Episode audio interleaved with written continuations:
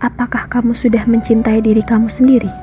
Apakah kamu sudah tahu siapa sih sebenarnya kamu dan untuk apa kamu dilahirkan? Dalam proses penemuan jati diri, ternyata memang tidak mudah. Banyak rintangan yang akan kamu temui nantinya. Dalam prosesnya nanti, kamu akan melalui tiga fase. Fase selfish, egois, menang sendiri, mengutamakan diri sendiri. Tapi itu tandanya kamu sudah mulai sadar bahwa diri sendiri adalah yang terpenting.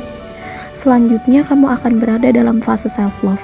Kamu sudah mengerti dirimu, mencintai dirimu sendiri, tapi tak berlebihan, karena kamu tahu mencintai diri sendiri tak hanya selalu menang. Di masa ini, ketika kamu menang, kamu tak akan cepat puas, dan ketika pun gagal, kamu dapat bangkit kembali.